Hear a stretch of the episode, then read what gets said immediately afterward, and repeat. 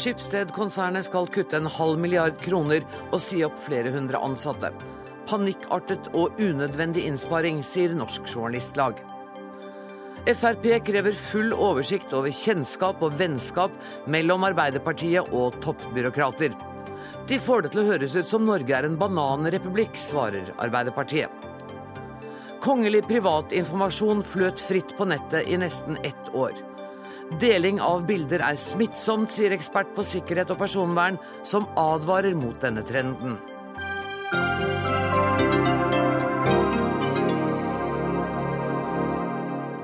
Dette er noen av sakene i Dagsnytt 18 hvor vi også stiller spørsmålet hva ville salig Ibsen sagt? En folkefiende åpner nemlig Ibsenfestivalen, men uten en eneste profesjonell skuespiller på scenen. Men først. Mediekonsernet Skipsted kutter kostnader. Ifølge ledelsen er det nødvendig for å møte utfordringen med at flere leser nyheter på nett framfor avis. 400 av totalt 500 millioner kroner skal kuttes i avisene Aftenposten, Bergens Tidende, Stavanger Aftenblad og Fedrelandsvennen. Rolf Erik Ryssdal, eh, velkommen hit. Der sitter du. Du er konsernsjef i Skipsted, og dere har hatt store kutt de siste to årene. Hva er det som gjør at dere nå må kutte så drastisk igjen? Det har å gjøre med den medievirkeligheten og den revolusjonen som skjer i hvordan folk bruker media. Et program som dette, eller Dagsrevyen, har i dag få lyttere og seere under 30 år. Papiravisene eh, har lesere som eh, er, mellom 50 og 60 i gjennomsnitt. Mens VG Mobil f.eks. har øket på to år fra 200 000 til halvannen million ukentlige lesere. Dette er en så stor eh, dramatikk, og endringen skjer så fort, at da må vi gjøre to ting samtidig. Det ene er at vi må investere tungt i videreutvikle våre digitale produkter, så vi kan fortsette å ligge i forkant der. Og så må vi samtidig da eh, justere kostnadsbasen, ettersom inntektene digitalt dessverre er lavere enn de er eh, på papir. Men når du sier at dette skjer så fort, disse varslene kom jo på 90-tallet om at dette kom til å skje. Har dere agert for langsomt da, i og med at dere må ta så drastiske kutt nå? Det er jo slik at uh, utviklingen bare går fortere og fortere. Og særlig etter det, det, som er den største forskjellen, det er lesebrett og mobiltelefoner. Så de er en mye større trussel mot uh, avisene enn det vanlige PC-er er. Og den utviklingen har først skutt eh, fart det siste året.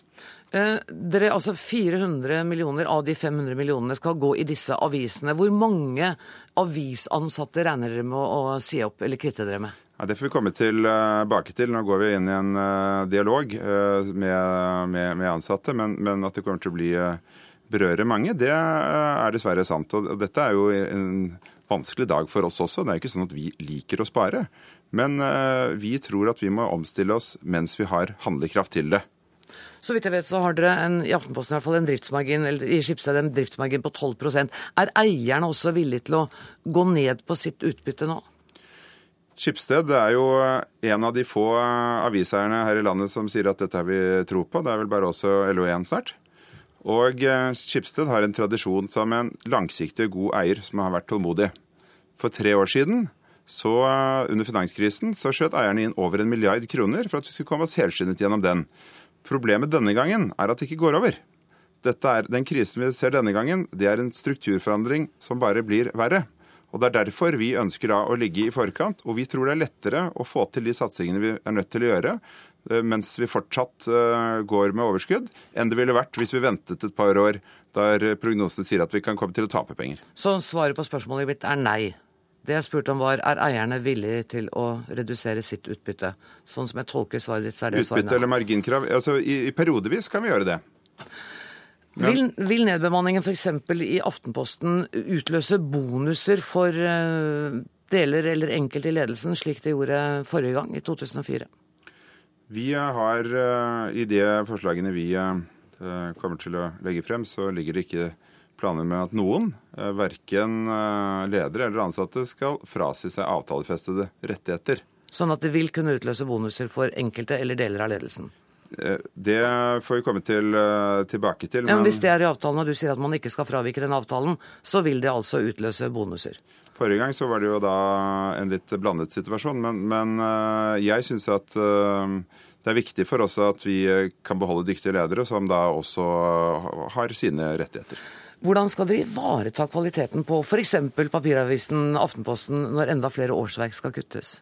Ja, dette er jo det store spørsmålet. Og det er klart at uh, vi er også svært opptatt av at vi klarer å fylle vårt samfunnsoppdrag.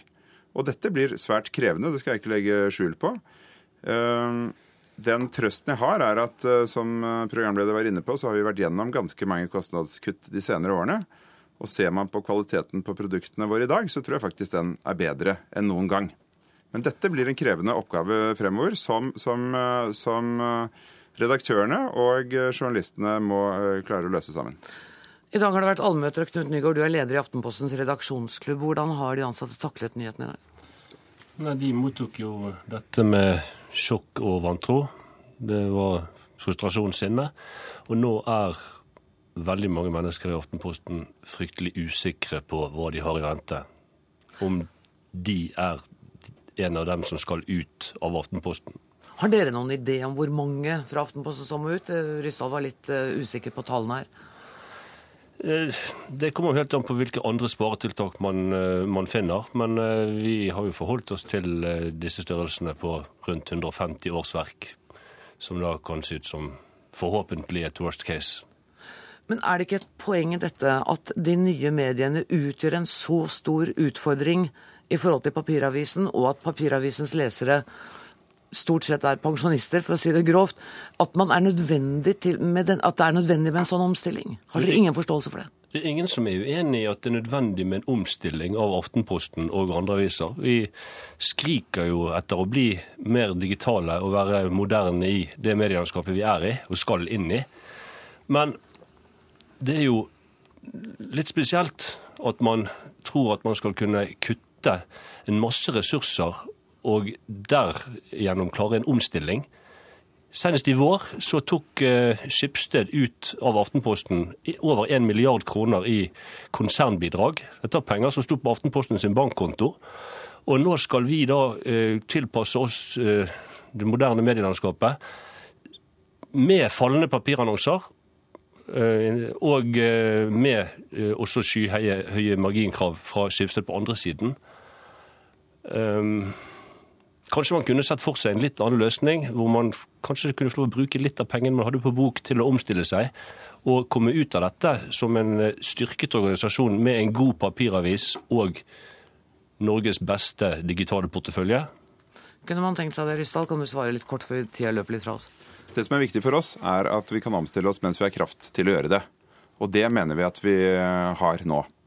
Og vi kommer til å satse betydelig på å være vinnerne også i det digitale landskapet. Så det som er, Jeg tror på en positiv fremtid for redaksjonelle produkter, innholdsprodukter, kvalitetsprodukter som man kan ta betalt for og leve godt av. Men da må vi investere nok midler til at vi kan ligge i forkant der og, og ta de bastionene. Ja. Ellen Floberghagen, du er leder i Norsk Journalistlag, og nå nikket du veldig fornøyd til det siste Ryssdal sa. Mm. Det syns jeg var klokt sagt, men det er ikke det jeg ser. Uh, og jeg har sagt at jeg syns dette er, uh, ser brutalt ut, og jeg mener det er uh, unødvendig å gå så fort og så hardt frem som man gjør i, i Skipsted Norge i, i, denne prosessen. Du sa panikkartet var et ord du ja, brukte tidligere i dag. Det, det, og det mener jeg det er. dette er et konsern som har levert og leverer bunnsolide økonomiske resultater. De har tid til å gå inn i ordentlige samtaler med de ansatte. Det har det ikke vært. Gode drøftinger med de tillitsvalgte. Det har det heller ikke vært. Skipsted er jo kjent for det. Skipsted er jo kjent som en solid, langsiktig eier med nettopp gode prosesser. Jeg kjenner ikke Skipsted igjen i sånn som de har reagert i denne prosessen her. I tillegg er det varslet at mens tidligere nedbemanninger har man sagt frivillig nedbemanning, eh, her er det varslet styrte sluttpakker og endog oppsigelser. Det er klart at det blir konfliktnivå, usikkerhet og frustrasjon blant eh, de mange ansatte og i redaksjonene i disse fire avisene. Og det er i tillegg eh, nedbemanning varslet i mindre aviser, altså datterselskaper av disse. Ryssa, kan vi ikke bare ta denne med styrt, styrt avvikling, holdt jeg på å si, at du sier til enkelte at du skal gå, du får denne sluttpakken. Før har det jo vært sånn at folk kunne melde seg på eh, i håp om å få en sluttpakke, og så si opp. Ja, det er, det er jo litt prematurt å gå inn i den diskusjonen Og Det vil si til Floberghagen Men hvorfor sitter Floberghagen og sier det? Altså, tar du det bare fra ditt eget hode? Dette er det som er varslet i eh, bedriftene i dag, i allmøter. Eh, Sånn at dette er sagt fra de lokale ledelsene. Men da er det pussig at Ryssdal ikke vet om dette. og endog oppsigelser. Hvis jeg får få lov til å svare, så er det slik at uh, hvis man savner drøftelser, så uh, har vi forsøkt å legge frem våre prognoser som det er grunn stor oppslutning om. Og vi kommer til å bruke mye tid og kraft fremover nå på å drøfte med alle de tillitsvalgte og på kommunikasjon med alle ansatte. Eh, Så, når det gjelder dette med hvilken form for eh, avgangsform man kan velge, så kan det, er det riktig det at vi denne gangen har sagt at det kan hende at vi er nødt til å ta i bruk da mer styrte sluttpakker, og at ikke de frivillige vil være nok. Og at det også kan være snakk om rene oppsigelser. Vel, det vil jo være den siste, siste utvei. Ja, jeg bare eh, sier at på allmøtet i redaksjonen i Aftenposten i dag, så ble det fra sjefredaktørens side i detalj beskrevet at man skulle ville bruke denne typen sluttpakker, og også i detalj beskrevet hvordan disse er skrudd sammen og hvordan de virker. Og hva som ville skje hvis man da sa nei til en tilbudt sluttpakke. Og svaret på det er jo oppsigelse. Floberghagen, Ja, samtidig så syns jeg vi skal høre hva Rysdal sier. Hvis han nå er åpen for å drøfte dette, så mener jeg dette er et avgjørende element i de samtalene man må ha utover, utover høsten. Og du er åpen for å drøfte dette? Det jeg har sagt er at, eh, at jeg tror at eh, oppsigelser, som du sa, er en eh, absolutt siste utvei. Tusen takk for at dere kom i studio, Rolf Erik Ryssdal, eh, sjef for konsernet, Knut Nygaard, sjef for redaksjonsklubben i Aftenposten, og Elin Floberghagen, leder av Norsk Journalistlag. En hån og en rasering av Tinius Nagel Eriksens livsverk. Jeg siterer dine uttalelser i Dagens Næringsliv, Sturle Skjolds Nærø. Du er ordentlig oppritt, opprørt.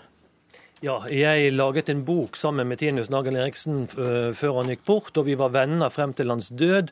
Så jeg lærte mye av han om hans overordnede tankegang. Han brukte 20 år av sitt liv på å lage noe som heter Stiftelsen Tinius. Og jeg tok med eh, et sitat av han her. Det han har sagt er Katedralavdelingen, et av de mange rare navnene jeg har funnet på selv, driver jeg så lenge jeg orker og klarer. Deretter skal den ideelle stiftelsen min overta oppgaven som bremse, slik at Skipsted hele tiden beholder vår avgjørende balanse mellom børsen og katedralen. Eh, Her i NRK før helgen så fortalte styremedlem i stiftelsen Per Egil Hegge at disse dramatiske kuttene har ikke engang vært tema på styremøtene.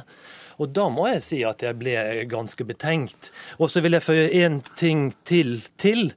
Eh, hvor, eh, hvor Tinius sier det folk ikke ser er forskjellen på min stiftelse og f.eks. Dagbladet-stiftelsen. Stiftelsen Tinius har nemlig makt. Den kan stoppe alt som den ikke vil ha. Og det den nå gjør er jo absolutt ingenting, og det syns jeg er en tragedie.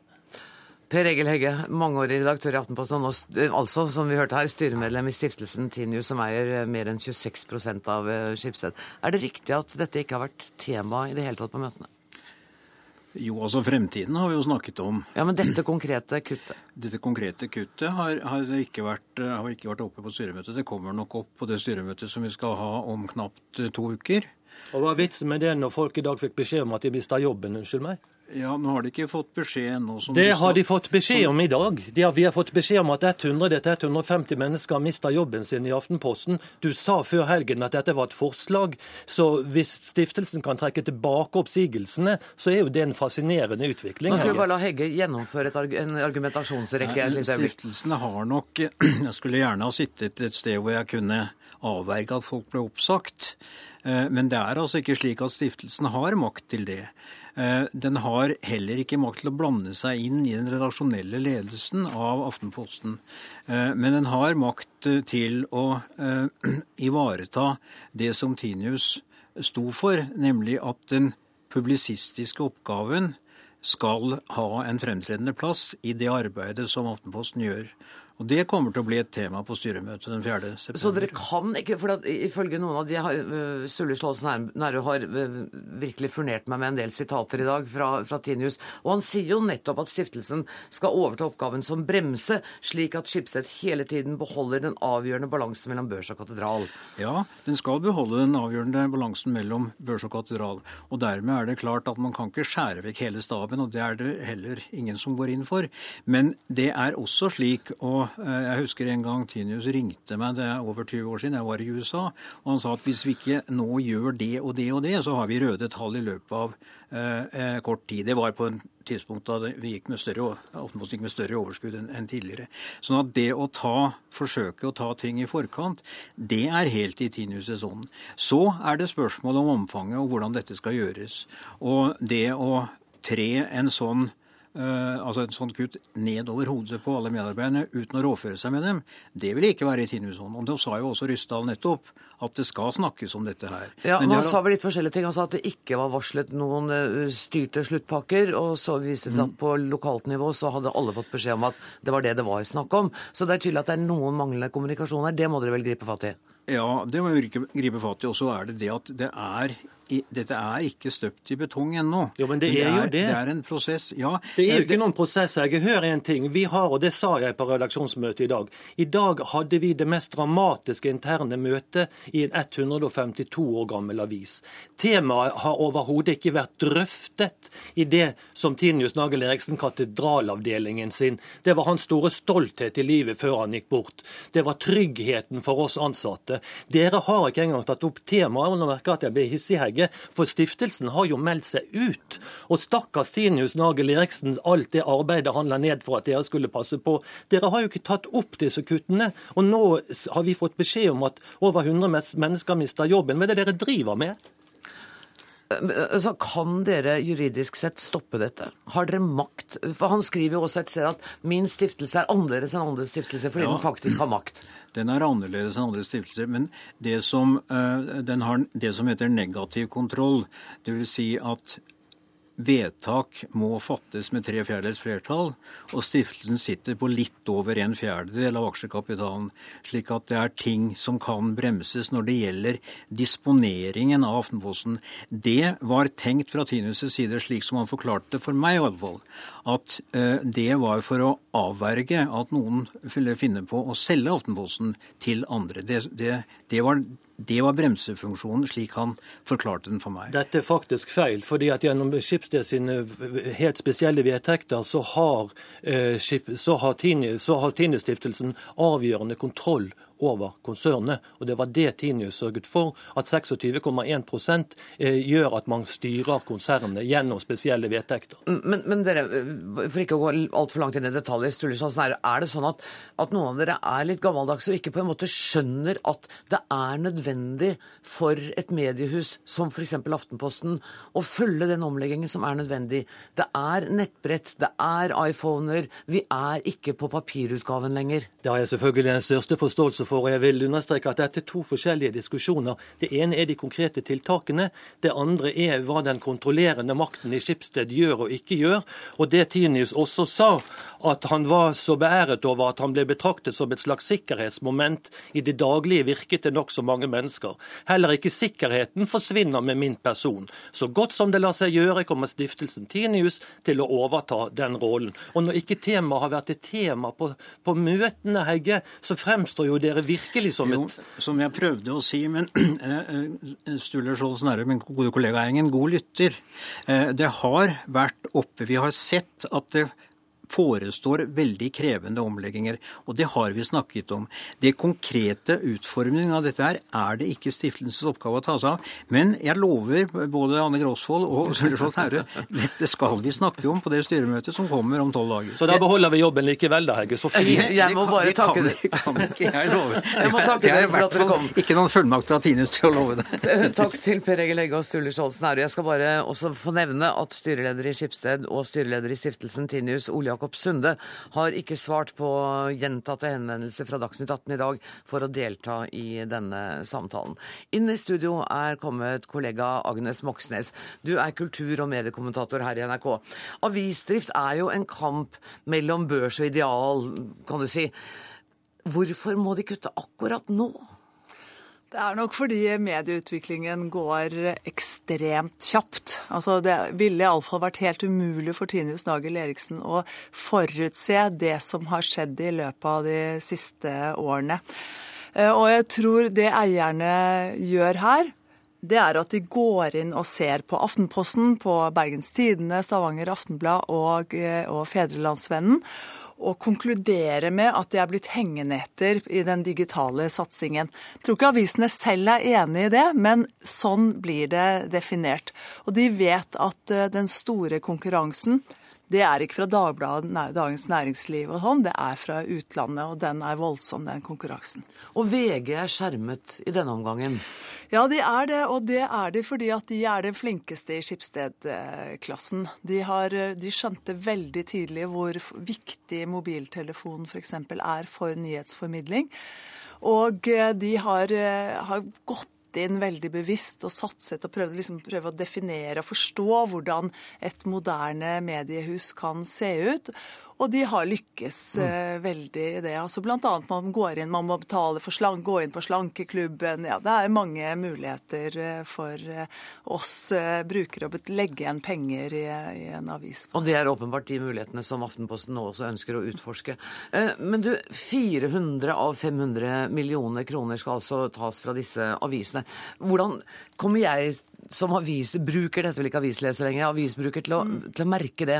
Som avisbruker så kommer du helt sikkert til å merke det, at det blir et liksom større jag på at du også skal skaffe deg et digitalt eh, abonnement. Mm. Eh, det er viktig, veldig viktig å få oss til å gå over til å kjøpe abonnementer. Og det vet jo ikke aviseierne ennå. De vet ikke om vi er villige til å betale for å lese nyheter på nettet, for det er jo gratis. Vi kan jo lese, jeg har sittet i dag og lest om dette her, helt gratis uten å betale noen ting. Men så kommer vi til å merke det på at eh, altså Skipsted har jo, Skipsstedavisene har jo samarbeidet om eh, stoff. Mm. Det kommer de til å gjøre i større grad enn de gjør nå. Aften, altså Aftenposten har jo holdt seg med en egen aftenutgave. Den forsvinner 1.1. Og så kan man også tenke seg at de skal samarbeide om utenriksstoff, og at de skal samarbeide om f.eks. helgemagasiner og sånt noe. Så det blir en større likhet mellom, mellom. disse skipsstedavisene. Og så tenker jeg at det er én liten nyhet som i hvert fall etter hva jeg hører har blitt godt mottatt, nemlig at Aftenposten skal flytte tilbake til Akersgata til eh, VG-huset. Det virker det som alle er glad for. Ja, det, det, har redaktørene både VG og Aftenposten sagt at de er fornøyd med. Og det er fint å få tilbake en avisgate i hovedstaden. Tusen takk for at du kom i studio, mediekommentator og kulturmedarbeider her i NRK, Agnes Moxnes. Hør Dagsnytt 18 når du vil, på nettradio eller som podkast. nrk.no – dagsnytt 18.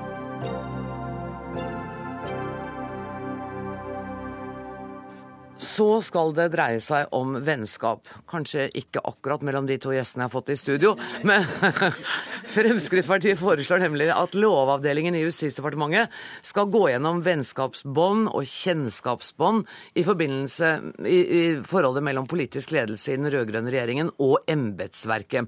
Og nestleder i Fremskrittspartiet Per Sandberg til TV 2 sier du, jeg håper jeg siterer deg ordrett, Mæland-saken har vist at denne regjeringen har en kjempeutfordring på dette feltet. Ja, ikke bare den saken. Vi har hatt eh, flere tilfeller der at habilitetsspørsmålet har kommet opp i denne regjeringa.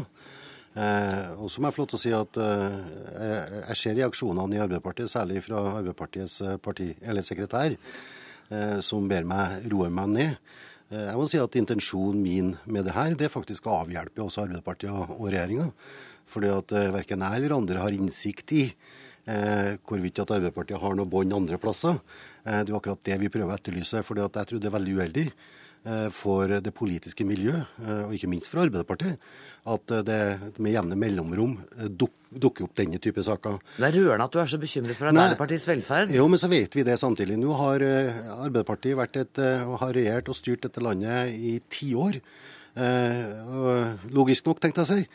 Og de har bygd opp da gjennom sin makttid en meget svær offentlig sektor med utrolig mange offentlige institusjoner, med stort statlig eierskap osv. Og, så og Arbeiderpartiet har altså utnevnt de aller, aller fleste i toppledelsen i, i byråkratiet og embetsverket.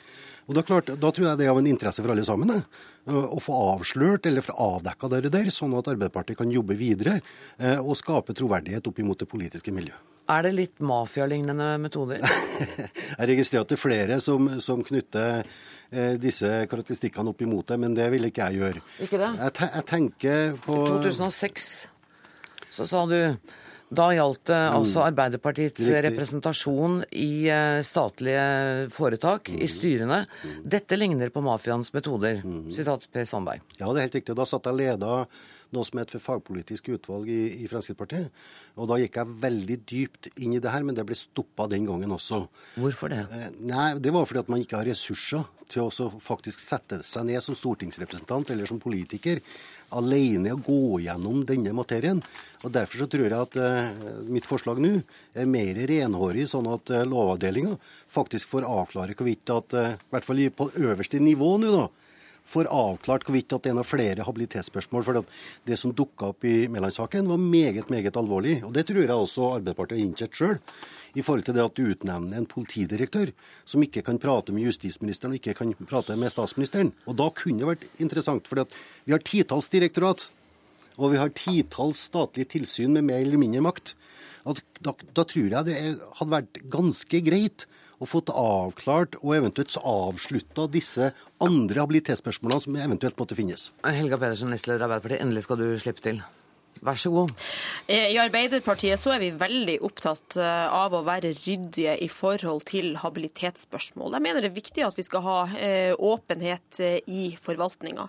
Men det Per Sandberg nå forsøker å ta til orde for, det vil ikke tjene det formålet. Det vil være et stort byråkrati, et veldig omfattende arbeid som ikke bringer oss nærmere det målet som jeg tror vi begge er enige om, at det skal være ryddige forhold i forvaltninga.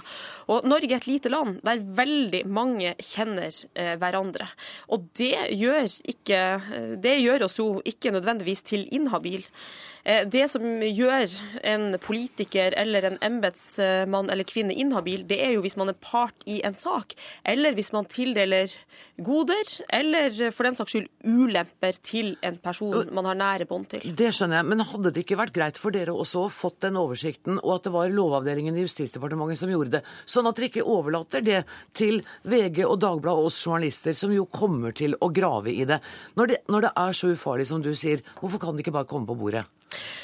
Jo, det er fordi at Jeg kan ikke helt se hva det skal tjene til. Vi har et veldig klart regelverk når det gjelder habilitet og hvordan det skal håndteres. Og Det som er viktig, er jo at når utnevner høytstående embetsmenn eller departementsråder eller eh, utnevner personer til andre viktige stillinger, at man da er ryddig til at man ikke ansetter eh, nære venner eller eh, folk man er i slekt med. Men å begynne en svær kartlegging over hvem som kjenner hvem, det bringer oss ikke nærmere. Fordi at Hvis Per Sandberg f.eks. skulle bli justisminister hvis Høyre og Fremskrittspartiet vinner valget etter eh, neste høst, så, eh, så er jo ikke han inhabil om han kjenner en ekspedisjonssjef eller en saksbehandler nede i Justisdepartementet sine rekker. Han er kun inhabil eh, hvis han bruker sin makt og posisjon til å utnevne nære venner, eller til å gi fordeler til venner han har i Og det mener du ikke har skjedd? Det at man har gitt nære venner fordeler eller utnevnt dem til stillinger Nei, i hvert, fall de ikke, er i, i hvert fall ikke saker eh, som, eh, som jeg har hatt eh, berøring med, nei. Sandberg, det er Og, det. og, så, og så er det jo klart at den type saker eh, dukker fra tid til annen opp, og det stilles spørsmålstegn, enten det er rød-grønn regjering eller en regjering med en annen type farge. Og da må man jo gå gjennom de eh, sakene på en skikkelig grundig måte, og aller helst være i forkant og få vurdert habilitetsforhold hvis man er i tvil. Men det å kartlegge eh, hvem som kjenner hvem, det er bare masse byråkrati og masse eh, jobb, og eh, ja, det tjener rett og slett ikke formålet. Jeg syns det er merkelig at man skylder på at det er masse jobb. Man skal begynne på toppen. og Nå er det først og fremst da i forhold til statsråd, embetsverk og toppledelsen der. Eh, Så kan man gjerne gå videre for den del etterpå. Eh, Men så hører jeg at det blir sagt at vi har et godt regelverk for eh, habilitet eller ikke. Ja, og Derfor så blir det da, når Arbeiderpartiet gang på gang påstår det, og så får vi nye saker hele veien. Og da når vi får en sånn enestående sak, tenkte jeg å si med Mæland, der at han blir utnevnt av justisministeren, og da man plutselig ni måneder etterpå finner ut at man er inhabil i forhold til å snakke med denne politidirektøren Om er man- helt spesielle ting. Hun er jo ikke inhabil i alt som hadde med ham å gjøre, da. Men, men, det er helt sånn, riktig, men, men spørsmålet hva, hva er det Arbeiderpartiet frykter? Hvorfor er klørne ut så voldsomt nå? Eh, både fra partis, partisekretæren og fra deg, Helga. at eh, det at de nå er ute med klørne og blir så, blir så voldsomt lukka i forhold til det, det vil skape enda flere spekulasjoner. Folk der ute vil bare stille seg spørsmålet hva er det nå Arbeiderpartiet gjemmer her? Og Derfor så tror jeg både du og alle andre ville ha vært tjent med at man i hvert fall hadde gått gjennom habiliteten til statsrådene målt opp imot toppledelsen i embetsverket. Det, her, det her må jeg få svare på. For det første så var det nå ikke Grete Faremo som utnevnte Øystein Mæland til politidirektør. Og jeg viser også til professor Eivind eh, Smith, eh, som har avvist at Faremo tidligere burde ha bedt om habilitetsvurdering. Ja, eh, ikke snakk om Mæland-saken. Snakk om det forholdet som Fremskrittspartiet nå foreslår. Vi har veldig nettopp, kort tid igjen. Det å være inhabil er jo ikke galt i seg sjøl, når du er bevisst på når du er inhabil, og i hvilke saker eh, du ikke skal eh, behandle. Det er en viss moral oppi det også, når vi ser at de gjennomgående utnevnelser fra, fra, mennesker som enten har jobba i statsapparatet hos, eh, hos, Arbeiderpartiet, i tidligere regjeringer i Arbeiderpartiet osv. Man kan gjerne gå gjennom hele den listen, ja. syns jeg. Så får man enten avklart det, eller lagt et lokk på det. Så kan det da ikke gjøre når man får den oversikten. Nei, men Da syns jeg vi skal begynne med følgende. Da syns jeg Per Sandberg kan dokumentere det han nå har sagt. Hvis han mener at Arbeiderpartiet gjennomgående har plassert våre folk i stillinger. Eh, for det han sier er helt feil.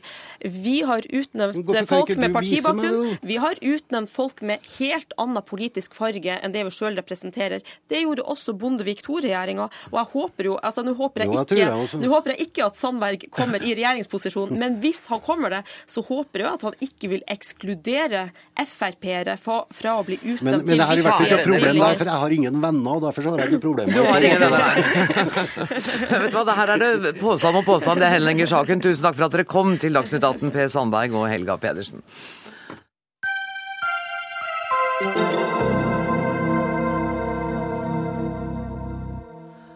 Neste sak skal dreie seg om politiet, og jeg gir rett og slett ordet til deg, politiførstebetjent Lars Gaupseth. Takk. Jeg har også observert at flere av landets politimestre nå kappes i mediene om å si seg enig i rapportens innhold, kjenne seg igjen i kritikken og stiller seg bak det kritiske resultat kommisjonens arbeid har gitt. Skam dere. Dere har selv vært blant de sterkeste forsvarere og bærere av den kulturen som nå gis hard medfart. Sånn ordla du deg i et debattinnlegg i Aftenposten i går. Hjertelig velkommen, politiførstebetjent Lars Gaupseth. Skam dere, det er et sterkt uttrykk. Hva var det som fikk deg til å bruke det? Fordi at eh, det skjedde en del ting når kommisjonens rapport eh, kom på bordet.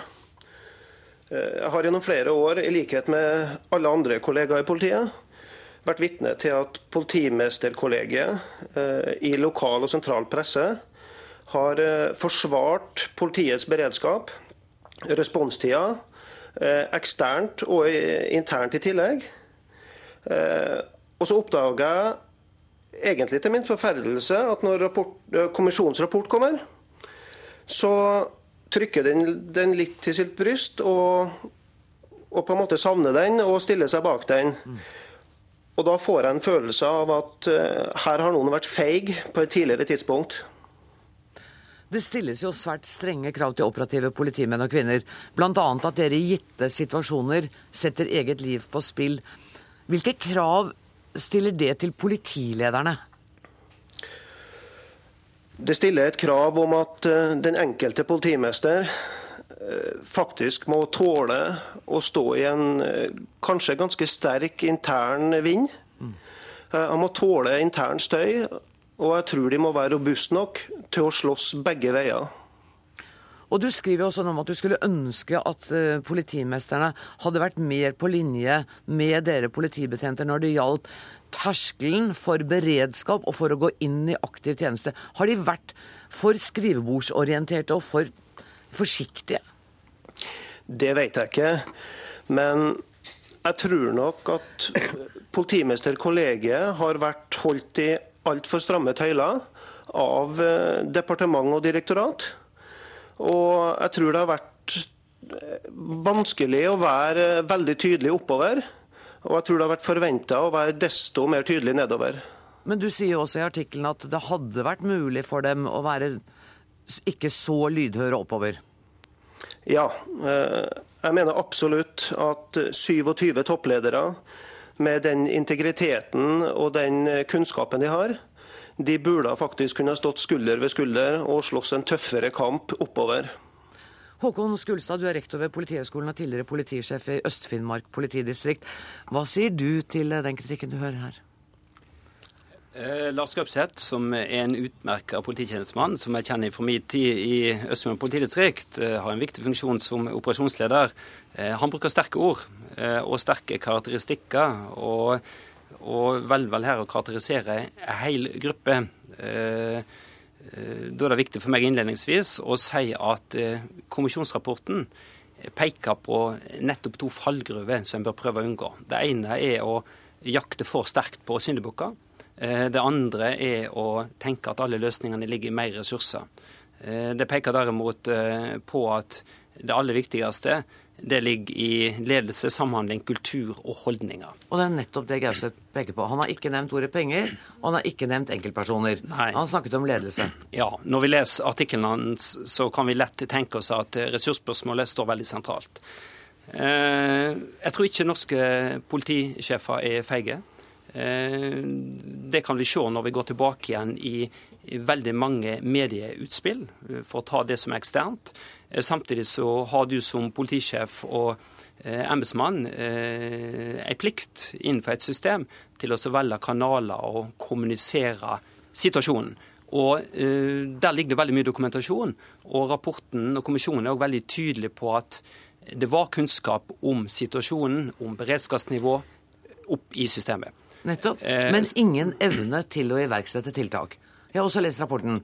Det er altså det man kritiseres for. Ja, og... Høres ut for meg som du sitter og forsvarer det på en måte. Det er, flere, det er flere, dimensjoner her. Eh, jeg forsvarer at eh, veldig mange politisjefer har sagt tydelig fra internt i linja.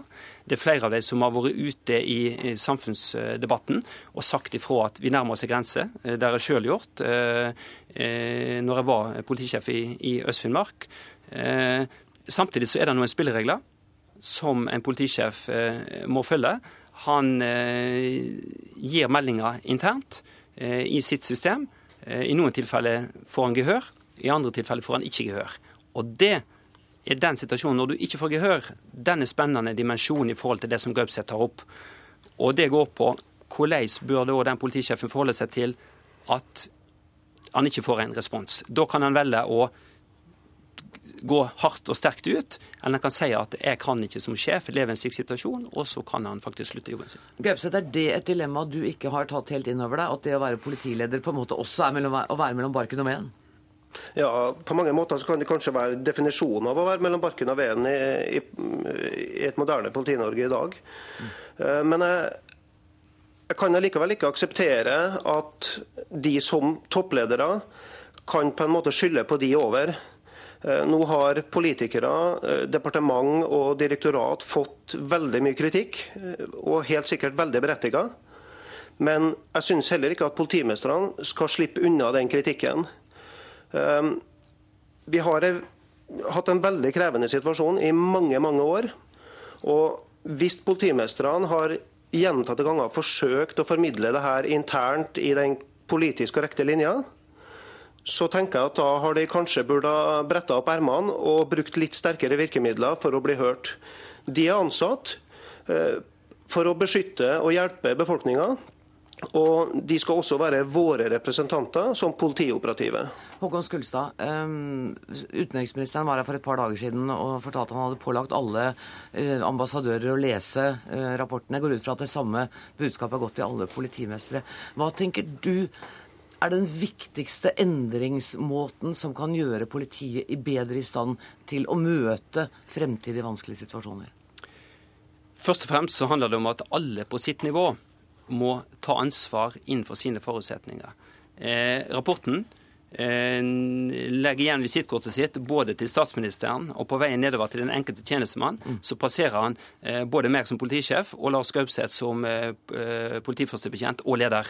Så ta ansvar innenfor de rammene. Og så, det som er poenget til Gaupseth, og det syns jeg er et godt poeng, Jeg tror vi må ha større grad av åpenhet. Vi må tåle ha, vi må ha større takhøyde og tåle en mer frisk samfunnsdebatt om situasjonen i politiet. Det skal vi gjerne bidra med her i Dagsnytt 18. Tusen takk for at du kom, Håkon Skulstad, rektor ved Politihøgskolen, og i studio i Kirkenes, Lars Gaupseth, politiførstebetjent ved Øst-Finnmark politidistrikt.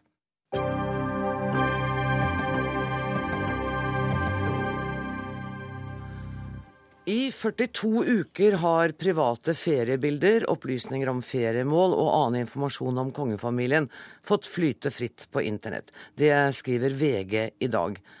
Maria Bertnes Line, forskningsleder ved Sintef. Du har forsket mye på sikkerhet og personvern. Hva slags betydning for sikkerheten rundt de kongelige har disse bildene det her er snakk om? Eh, kongefamilien har et særskilt behov for beskyttelse. Og de er kanskje de personene i Norge med sterkest behov, sammen med statsministeren og et par til sikkert, med, med sterkest behov for beskyttelse. Og et angrep, et eventuelt angrep på dem, det er ikke tilfeldig, det vil være et angrep på landet. Hvem har da ansvaret for at den sikkerheten skal ivaretas også på nettet? Det er vel sånn som det også ble omtalt i dagspressa i dag, at PST som gjør risikovurdering, eh, også må ta eh, de digitale utfordringene inn i den risikovurderinga, tenker jeg, uten at jeg skal peke bare på PST. Men jeg vil i hvert fall ikke peke på Marius som, eh, som en syndebukk i denne saken her. Bildene ble jo delt via eh, bildedelingsregistreringstjenesten Instagram. Og du sa til oss tidligere i dag at deling av bilder og annen informasjon gjennom sånne tjenester er smittsomt. Hva legger du i det?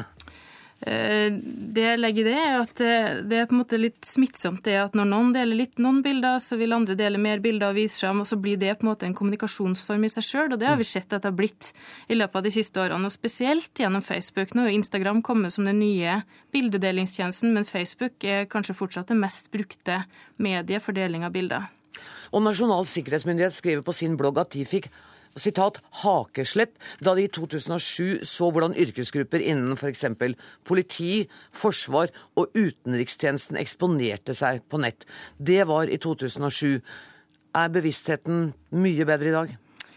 Eh, ja og nei. Det har jo vært veldig mye snakk om det siden 2007, men det har jo vært eh, senest de siste ukene de eksemplene med fra politiet med de politiuniformene, at beskrivelsen av dem lå detaljert beskrevet på, ute på internett tilgjengelig.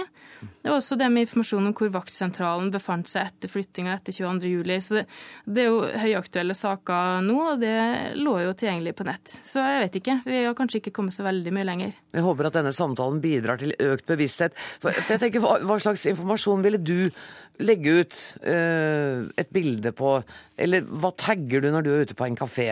Uh, ingen verdens ting. og hvis noen legger inn en tag på meg på Facebook, så tar jeg den bort igjen. Og det har man anledning til å gjøre. Og du anbefaler altså folk å være mer forsiktige med hva de legger ut, selv om det er i relativt uskyldige situasjoner. Ja, jeg syns man skal være forsiktig. Og én ting er å tenke over hvilke bilder, altså hva slags type bilder man legger ut. Der har folk kanskje blitt litt flinkere. Mm. Eh, men jeg tror fortsatt veldig mange ikke er klar over faren ved å legge ut så mange bilder. Mm. Så det er like mye informasjonsmengden som hver enkelt bit som, eh, som jeg mener er bekymringsverdig nå. Tusen takk skal du ha, Marie Bartnes Line.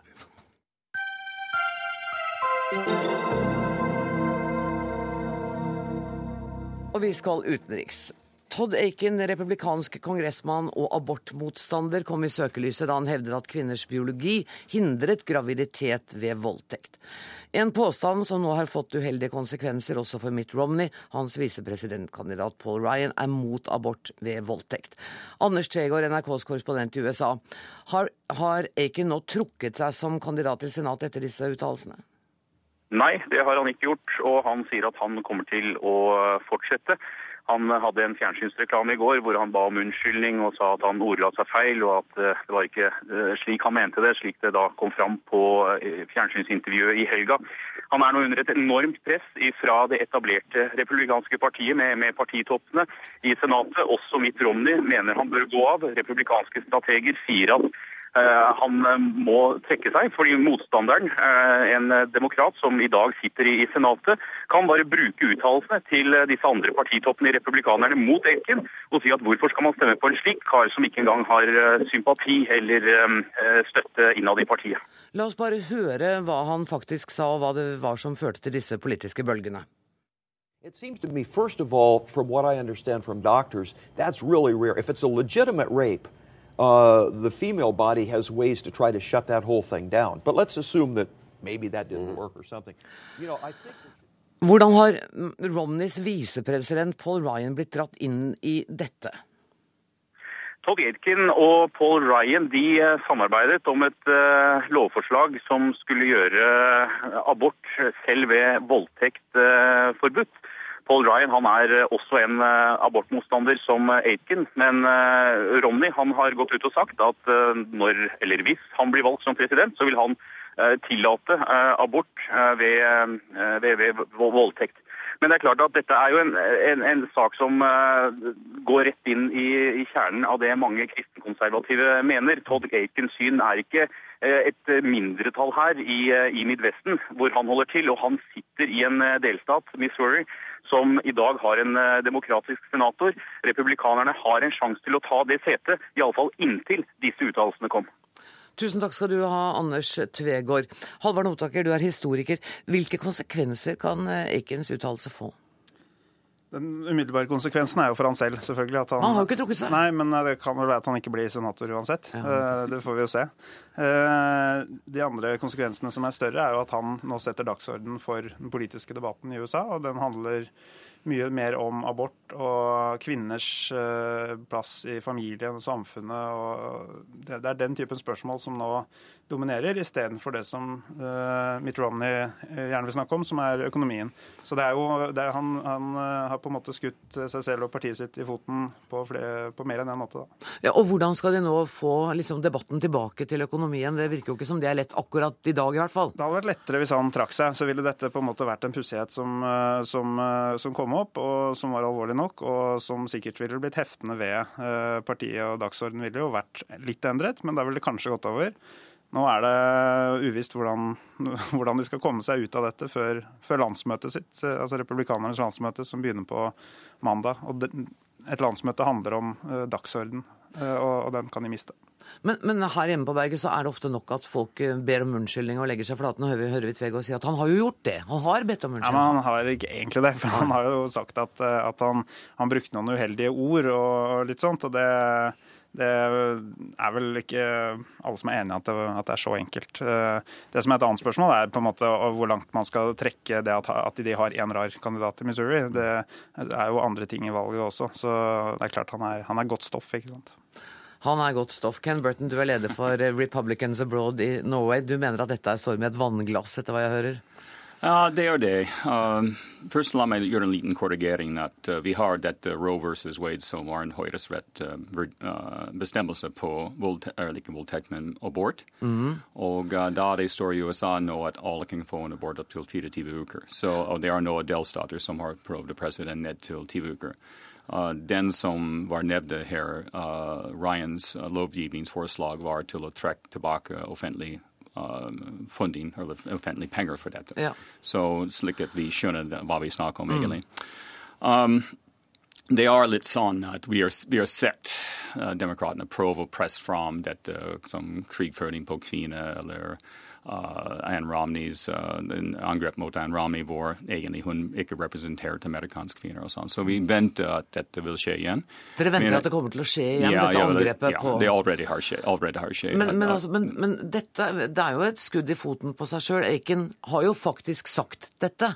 Ja, at kvinnens kropp er slik laget at ved, når kvinnen føler frykt, så dannes det hormoner som gjør at hun ikke blir gravid. Men jeg, jeg regner med at de amerikanske folk skjønner at det er Aiken som har sagt det, og ikke Paul Ryan eller Mitt Romney. Mm. Og Mitt Romney, for eksempel, uh, i sin lovgivning Romney Carey Massachusetts, faktisk støttet uh, abort i offentlig, uh, med offentlige penger. Så det er litt sånn, vi må være litt forsiktige og spre over at dette her vil bli noe som Mitt Romney må forsvare selv. uh, han har en helt annen stilling på dette. Og han har jo tatt skarp avstand fra denne Ja, uttalelsen. ja, det og har vel også oppfordret Aiken til å trekke seg, så vidt jeg vet. I likhet med nesten alle andre, Ja. også, også fra hans egen delstat. Men det som gjør det litt vanskelig, det er jo helt opplagt, som, som Burton sier, at det vil ikke bli noen grunnleggende forandring i uh, abortpolitikk i USA, selv om Mitt Romney vinner valget og republikanerne vinner Senatet. fordi hvis man skal forby abort i USA, så må først grunnloven forandres, sånn at det står at det er lov å forby abort. Eh, fordi det er det, det Høyesterett har bestemt for eh, snart 40 år siden, er at det er ikke lov å forby abort. Det er loven i USA. Så man slåss på en måte i kantene av det forslaget om penger og, og hva skal være på en måte reglene for hvordan man bruker offentlige midler osv. Men det som gjør dette litt vanskelig for republikanerne likevel, er at dette her skjer akkurat samtidig som Det republikanske partiet holder på å lage ferdig sitt ikke partiprogram, for de er ikke like bundet som i Norge, men eh, det som kalles for plattformen, som er et slags sånn policy, et slags retningsgivende dokument de vedtar på landsmøtet. Og der eh, står det, eh, i hvert fall i utkastene som har blitt kjent i pressen, at eh, abort skal være ulovlig, punktum. Eh, altså ikke noe unntak. Og det at det kommer akkurat samtidig med at han sier disse tingene, det er jo ikke noe heldig, da. Nei, Burton, det er jo ikke heldig. Ja, det, det er en sånn plattform som er skrevet for konvensjonen. Mm. Og det endret seg underveis. ikke sant? Det er derfor det er en diskusjon på dette. Så det, det, har jo vært, det har jo vært de siste tre eh, landsmøtene, så har det vært det som har vært vedtaket. Så det, det, stiller jo Dette trekker fram det standpunktet, som er litt lenger til høyre enn det også hovedstrømmen er i Det republikanske partiet. Og dermed så blir på en måte den offentlige forståelsen av hva det partiet mener, blir kanskje litt mer ytterliggående enn det som er gjennomsnittet. Jeg kan bare tilbake til hva Mitt Romney har gjort selv, og det er ikke det samme som Nei, han er jo enig med den plattformen. da. eh, Ja, men, men du er enig med meg at uh, Romneycare, for eksempel, dekker Ja, abort. ja, ja, yeah, so det er, Romney er mer liberal enn hovedstrømmen i partiet. Ja, det stemmer. Så, they, og han har fått en del kritikk også fra Rick Santorum og alle de Ja, andre. ja. Så, so, vi skulle skjønne hva Mitt Romney står for. Så det er uh, den som folk skal stemme for eller imot.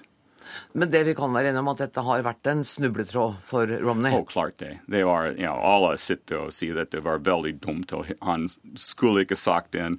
Han har trukket den tilbake, men selvfølgelig sagt er sagt. Så det er et spørsmål om hva, hvordan de skal påvirke dette. Og det er klart Obama og sin valglag skal bruke den som de kan. Så men hvis det betyr mer til amerikanere enn arbeidsledighet med 82,2 eller en sånn underskudd på budsjett eller en finanskrise som vil skje for vår social security, de, uh, Mm. folketrygd etc., det er et spørsmål. Anders Tvegard, helt kort til slutt. Hvilke konsekvenser får dette for det republikanske partiet, tror du? Nei, dette kan få debatten om eh, abort opp, og man kan få ut eh, noe grums i partiet. Når det gjelder uh, Todd Aiken, så sier han nå at han eh, ikke trenger å komme på landsmøtet eh, som starter neste uke, hvis han ikke er ønsket der. Grunnen han fortsetter, han skylder ingen noe i partiet. Han er ikke den kandidaten som eh, partitoppene støttet da de skulle plukke ut eh, nominere sin senatorkandidat i, i Missouri. Og selv Sarah Palin har gått ut og sagt at han bør gå av, og viser til at nå burde det opprettes nok et parti innenfor det republikanske partiet. Valglovene i Missouri sier at hvis han trekker seg, han kan trekke seg til midten av september ved å gå eh, rettens vei, da kan de få en ny kandidat. Hvis ikke så er løpet kjørt. Ja, og løpet er kjørt for eh, diskusjonen om amerikanske valgkamp, i hvert fall i denne utgaven av Dagsnytt 18. Tusen takk til Håvard Halvard Notaker, til Ken Burton og til Anders Tvegård.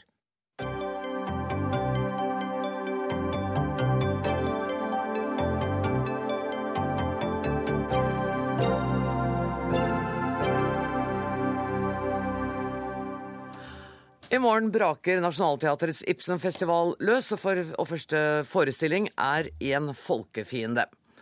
Og vi kan vel trygt fastslå at dette blir en litt annerledes forestilling. Der er en, omtrent ikke et ord av Ibsens manus i og for seg brukt, og heller ingen profesjonelle skuespillere, men derimot 100 amatører hentet fra Oslos befolkning. Hanne Tømta, altså jeg må gi deg ros for en ting. Du er ikke redd for kjeft? Jeg er ikke redd for kjeft. Nei, du er jo teatersjefen av Nationaltheatret, så det kan du ikke være.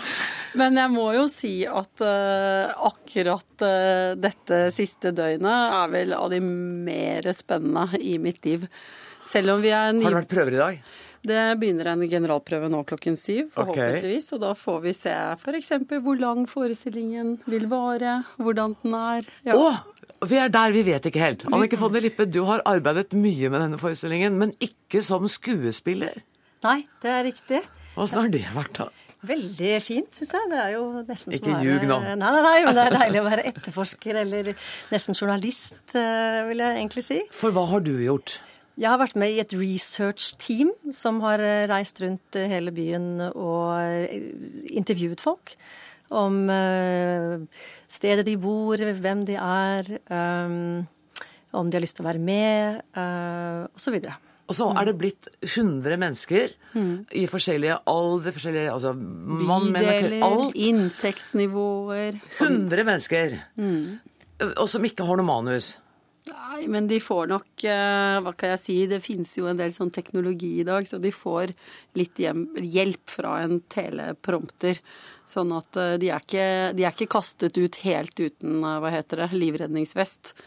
Åssen er stemningen på teateret om dagen? Det er, Dette må være noe av det mer drastiske dere har gjort. Altså Egentlig så, så sier jo du 'vi er ikke redde'. Nei.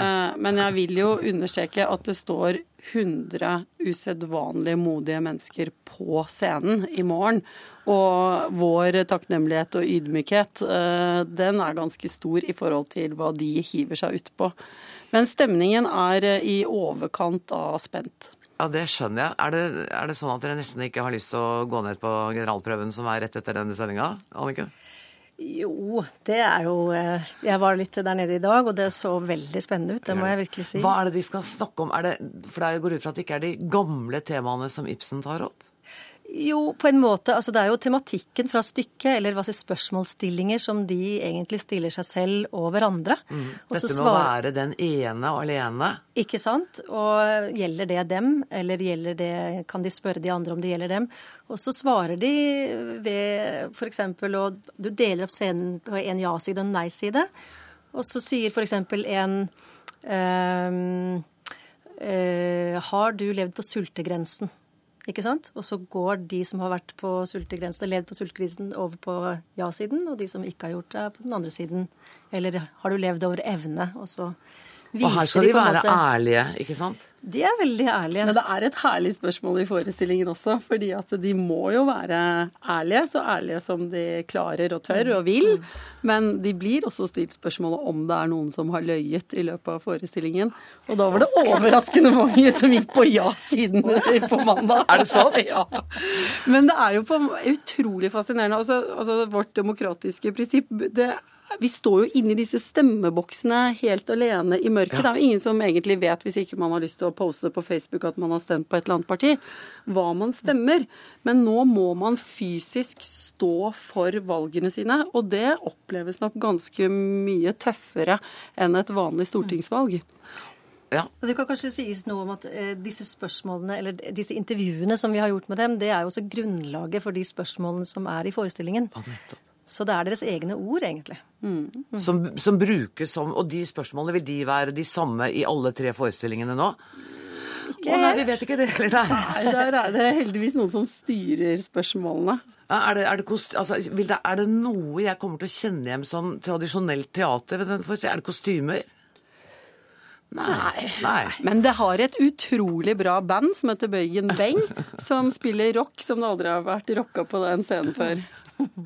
Du, vi må bruke ett minutt, for det er jo ikke bare denne ene forestillingen på Ibsenfestivalen. Eh, Du kan få lov å, Hanne Tømta få lov å si et par ord om de andre tingene som skal skje òg. Ja, på fredag så er det neste premiere. Arne Lygre. Eh, Stykket heter 'Jeg forsvinner', og det er Eirik Stubø som setter opp på Malersalen. Og det å løfte Arne Lygre inn i Ibsen-selskapet er vi veldig fornøyde med, da, for å si det sånn. Og så er det litaueren Oskaras Korsunova som har eh, satt eh, de, holdt jeg på å si, halvgule, men det var ikke pent sagt, tennene sine i Per Gynts femte akt. Og Øystein Røger kommer til å bli en sjelden strålende Per. Så denne helgen byr på flotte opplevelser. Og har, du har sagt i dette studioet tidligere at Nationaltheatret skal åpnes opp. Her skal det være for absolutt eh, alle. Har du truffet med programmet denne gangen, tror du? Det er jo ikke sånn at alt passer for alle, Nei. men det er noe for alle. Noe for alle til enhver tid, Ja, eller bør det være.